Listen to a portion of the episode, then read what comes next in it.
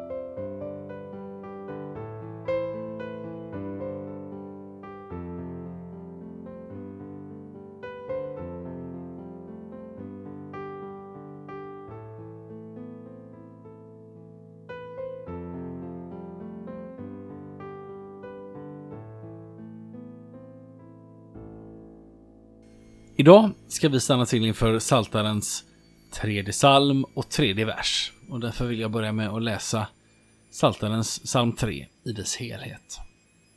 En psalm av David när han flydde för sin son Absalom.